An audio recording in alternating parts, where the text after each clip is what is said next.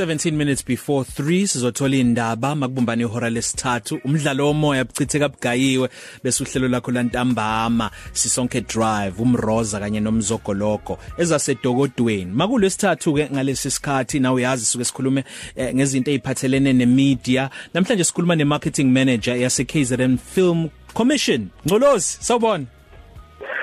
Siyabingelela mfowethu sicela ukubingelela nabalaleli bakho bonke eh ngicela ukubingelela no Khabazeli self beyond ngazi nomkhona noma inafasia uyalalela noma engekho kodwa uyalalela sanibonani nonke kwazi komnandi ukuzizwi lakho ngcolosi namhlanje njoba sikhuluma nawe nje uzositshela nge48 hour film challenge eh ngiyabonga kakhulu mfowethu ya sizokhuluma nge nge nge challenge ya 48 hours eh sikhuluma ukuthi eh into ejwayele ukuthi ithatha iminyaka ukuthi uyenze.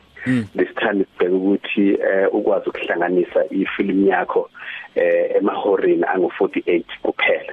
Mhlawumbe kubalekile kodwa eh before siye lapho njomane ukuthi abantu ngibatshela ukuthi uKZN Film Commission uyini eh qala so that bezothola kahle um nje ukuthi iqhamuka eh iKZN Film Commission um i organization engaphansi kwe Department of Economic Development uh, and Environmental Affairs eh esingaphansi kwa baburafi phile khona manje MEC eh kuyindaba ezintsha esanda qhamuka kade ingaphansi kwa mamno Musadube eh umsebenzi wethu eh kakhulukazi ukuthi si develop noma sikhulise eh iindustry imboni yezamafilimu kwaZulu Natal hayi kuphi kwaZulu Natal nje sikhulise imboni yamafilimu. Ziningi izinto esibheka kuzona sibheka ekutheni ngokuqala sibheka ama talent eh ukuthi sikhulise ama talent sinikeze ama bursaries nama training eh akhona iziqeqesho ezikhona esikwazi ukuthi sisize abantu abasha mostly young people eh kanjalo nabantu besimame ukuthi sibakhulise ekutheni bakwazi ukuthi babe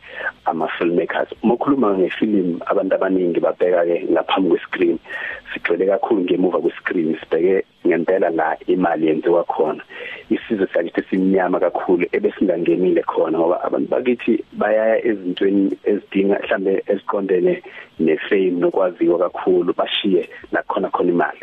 So lapha ngemuva kubantu kuyibona bahlanganisa lento sigcina sesibona kuma kuma television ilapho lesigcile khona.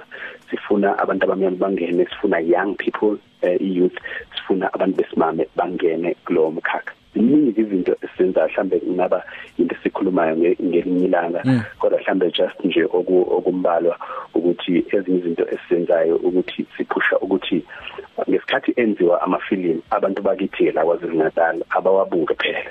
Yeah. Lawa local siphusha ilocal is legal so uthola ukuthi abantu babekhuluma ngefilimu uma ungabuza nje abalaleli bakho ukuthi yiphi ifilimu yakho oyithanda kakhulu bazokutshela ifilimu yale kude kodwa phela charity begins at home. Mm. awusitshele ngowasekhaya ukuthi kuphi okuthandayo wasekhaya. Eh okunye sikwenzayo ke support ama filmmakers ke lawa akhulayo ngokuthi siwafande ngemali bakwazi kwenza ama film noma bakwazi ukuxoxa noma ukuthela izistories zabo through ifilm so siyabafanda eh ku development ku production post production ku marketing and so on eh but also siyabasiza ukuthi bahambe baye kuma international um markets and festivals.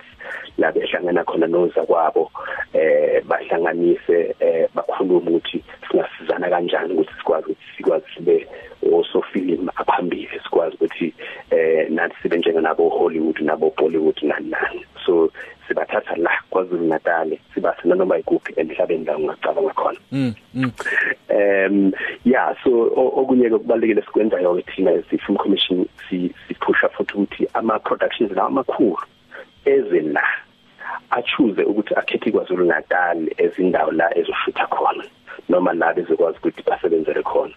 Uma ucabanga nje eh uma ubheka uzalo selokulafika la kwaZulu Natal kukhulu ushintsho oluyenzile endaweni la operate khona in terms of ama businesses abawasupportayo in terms of talent an amazing amazing story because uma ufika lapha ufika only young people abasebenza lapha abantu abaningi bayabacanga ukuthi young people abakwazi ukuthi basebenze together kahle productive bakwazi ukuqhubeka phambili.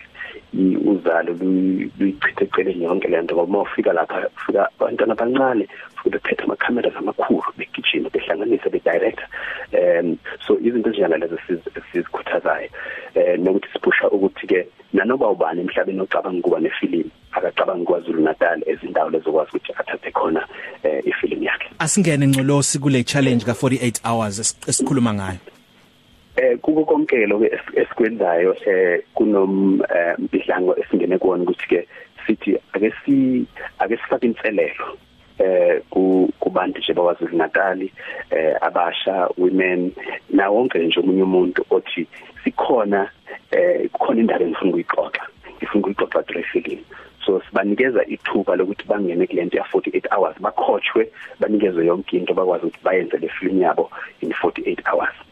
Okokuqala um ngomhla ka 22 November ngo 2 o'clock sizobe sine Facebook live event.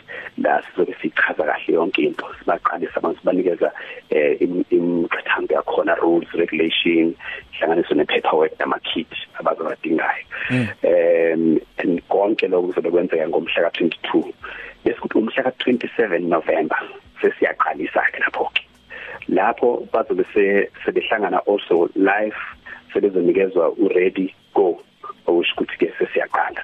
So i-team eh inikezwa eh ingathi nje amajeni amagenres awu2 ngazo zokuthini ngesintu lokho eh abazochuza kuona ebese bechuza abantu abazodlala ku film banikeze nezinto abazozidinga ezinye eh iline of dialogue shuthi eh um umgogodla wendaba yabo abazo abazo abazokhuluma ngayo um and then emva kwaloko sebeyadedelwa ukuthi bahambe bayoqala lo 48 hours. So after this 48 hours sibheke ukuthi eh babuyise ifilimu siphelele ngaleso sikhathi. Ubani ongenelayo lo? Umuntu ofundele zamafilimu noma nje unanomba? Abantu abafundele zamafilimu bayazi i-KZN film ukuthi kuphi. Siyabasiza and ba advance iziningi izinto abazenza. Manje sifuna umuntu othi ngine story angazi lutho ngefilimu ngifuna ukufunda ukuthi kwenzakalani kwefilimu ngifuna ukuba nje part of this. So umuntu omusha sha kwefilimu naba abantu esibafunayo. Yes. Imkromelo ikhona? Eh imkhomelo ikhona mfowethu. Eh okokuqala nje ukuthi ke uma ngabe uwina or before before ngifinyelele kwimkhomelo ngifuna ukuthi ukuthi ke uma ngabe sesiwatholile wonke amafilimu lawo ke bese kuthi ngomhla ka 12 December ebese siveza ithuba lokuthi siwabone wonke. Lapho simema wonke umuntu lapha e Gateway angazi noma bekufanele ngisho ni gateway ayikhokhile eh gateway lapho ku ku sign 1 and and and, and 2 bese kwazi ukuthi siwakhombise wonke ke lamafilimu eh aphumelele noma aphambili. Ungafika umkhomela okay umkhomela ukuthi ifilimu ewinile okokuqala izokwazi ukuthi eh iyiswe eh kwi international platform la zokwazi ukuthi iqhathanisane noma icompete namanye awu 48 ama films womhlaba wonke. Wow. So kuleso kuleso sikhathi eh sekunethuba lapho lokuthi eh ube involved kwi international um film festival. Eh lento le ibizwa ukuthi kunento ebizwa ukuthi if i eh eh contribute one lokhuzana yeah so ngizofika lokho. Yeah i film Poloza uh so le international arena lapho ama top 10 films from lawa 48 azo identifywa. Now bona asetholakala ukuthi ayo screen ku Cannes Film Festival. Umuntu okuma film nje uyazi ukuthi makhuluma nge Cannes Film Festival khulunywa nge festival enkulu umhlaba wonke. Ayokunye ngcolosi okunye asithi umlaleli useyokuthola kulemniningwane engeziwe mhlambe mawusushi usinikeze imininingwane yakhe yakho engiyicelayo manje. That's right. So um yeah abalaleli kokuqala bangasithumelela imininingwane ku info@kznfilm.co.za eh or marketing@kznfilm.co.za noma baye kuma platforms wethu wonke nje athi @kznfilm whether it's Instagram, Twitter, um lapha ku Facebook um as well. Bangafuthi ku website yethu ethi kznfm.co.za bazosithola babuzininza ngisobathi bancede. Mungcolo sikube mnandi ukuxoxa nawe siyabonga kakhulu. Ngiyabonga brother. Sondela ngo ujabulele ilunch yakho ku 12 to 3 cafe.